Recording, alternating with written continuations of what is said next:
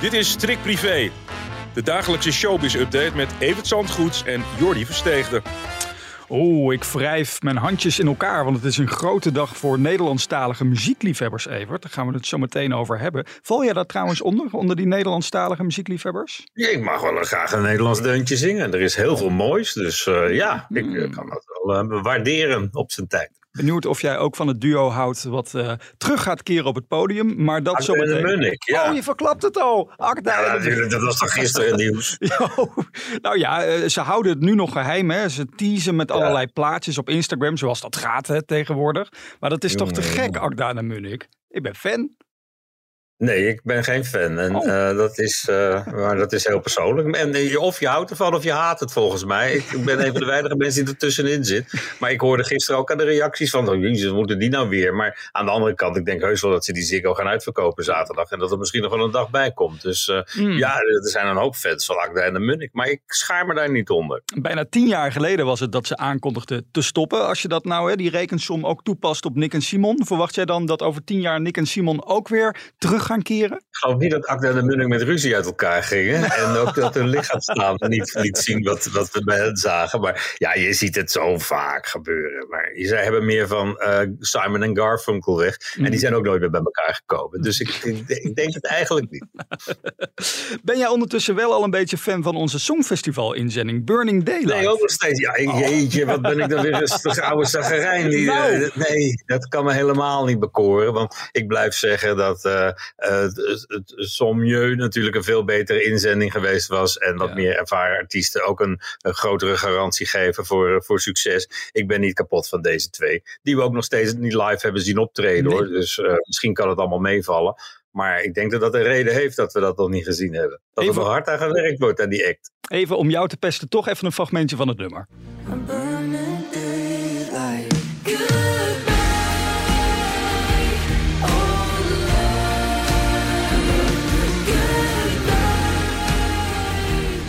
Oké, een kort fragmentje dan. Ja, eh, het zit wel in mijn hoofd. Trouwens, er is nieuws over het Songfestival. Want we zijn als veertiende aan de beurt in de eerste halve finale. Maar jij gaat dus niet kijken, begrijp ik. Nou ja, ik heb gezien wat ervoor zit en wat erachter zit. En eh, daar ben ik ook niet kapot van. Maar eh, ja, Ah. ik vind dat Songfestival echt verworden tot, een, tot, een, tot, een, tot iets verschrikkelijks. Eh, ik vind de puntentelling nog het leukste tegenwoordig. maar die duurt zo lang altijd, die puntentelling. Dan val ik half in slaap, joh. Zo rond één uur s'nachts al. het is ook al één uur dan, ja. nou ja, goed. Nu we toch met een soort van muziekupdate bezig zijn. Ben jij dan wel fan van René Leblanc? Want die heeft een nieuwe single uit. Ja, ja, dat wel. Nou, hè, hè. nou ja, dat is een aardige kerel. En eh, bekend geworden natuurlijk door Ik geloof in mij. En Ja. eh, daar was hij een van de meest opvallende verschijningen. Ja. En vervolgens had hij een vliegende vaart met zijn carrière. Nam vervolgens wat gas terug. Had toen dat hele leuke nummer, wat zomaar van Engelbert Humperdinck had kunnen zijn. Maar wat Mhm. gewoon Nederlands was. Ik vertelde u dat I love you. En daar komt nu een, eh, een, ver- een vervolg op, eindelijk. En dat klinkt zo.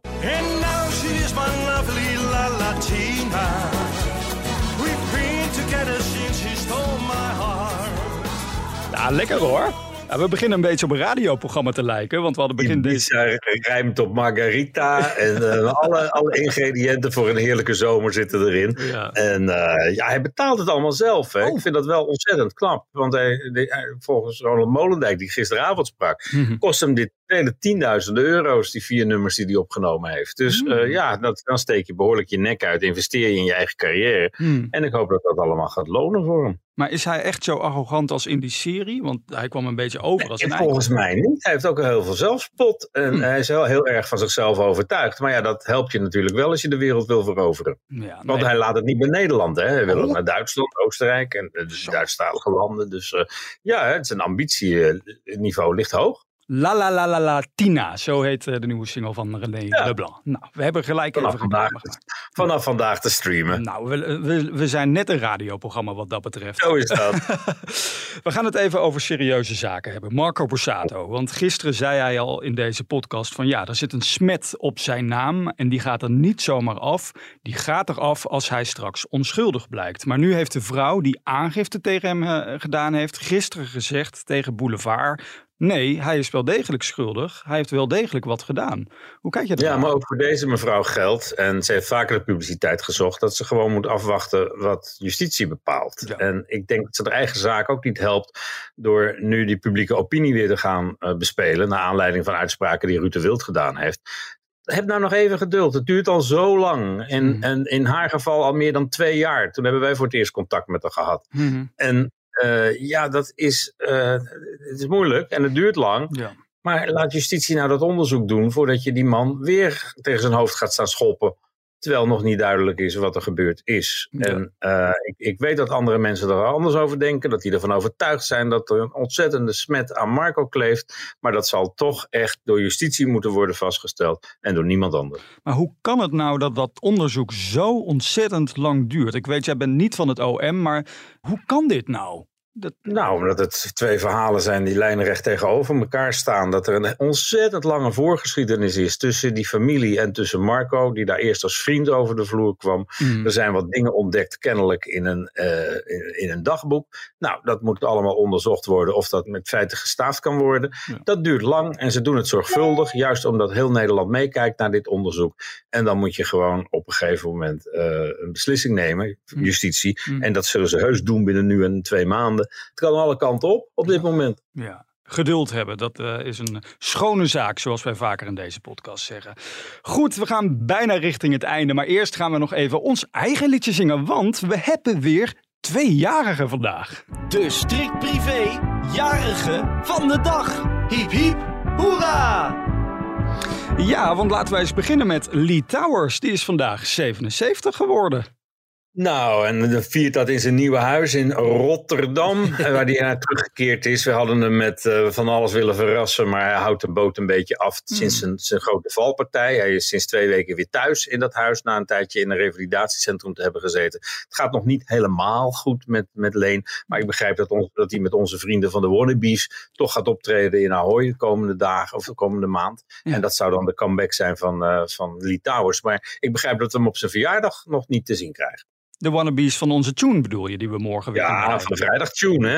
Ja, vrijdag, goeie vrijdag. Goeie vrijdag allemaal. Ja, vrijdag is natuurlijk ook de dag van eventjes aan Evert vragen. Dus heb jij vragen voor onze Evert? Stuur maar door via podcast.telegraaf.nl. Laten we ook nog Je had even... het over tweejarigen. Ja, daarom. Dus laten we nog Guus Meeuwis nog Oh. even feliciteren. Ja, Ja, verdingeling. nou, ook van harte. Die viert dat ongetwijfeld in Tilburg. Ja. En eh, ja, nou ja, Guus die, eh, die, die, bereidt zich alweer voor op Eindhoven, neem ik aan. Hè? De, Ja. grote, de grote festiviteiten daar. En eh, hoeveelste jaar dat wel niet is. Blijft succesvol, er blijven mensen op afkomen. En ja, ach, Guus is een aardige gozer die... van publiciteit niet al te veel moet hebben, maar het zonder publiciteit ook prima rit. een taart met 51 kaarsjes is onderweg naar Brabant. Nu zijn we er echt doorheen. Morgen dan zijn we er dus weer met eventjes aan Evert vragen. De vrijdagtune. Kortom, snel gaan slapen straks. En morgen weer luisteren om 12 uur. Tot dan. Is die taart echt onderweg? Anders gelooft nooit iemand je meer. Ik zeg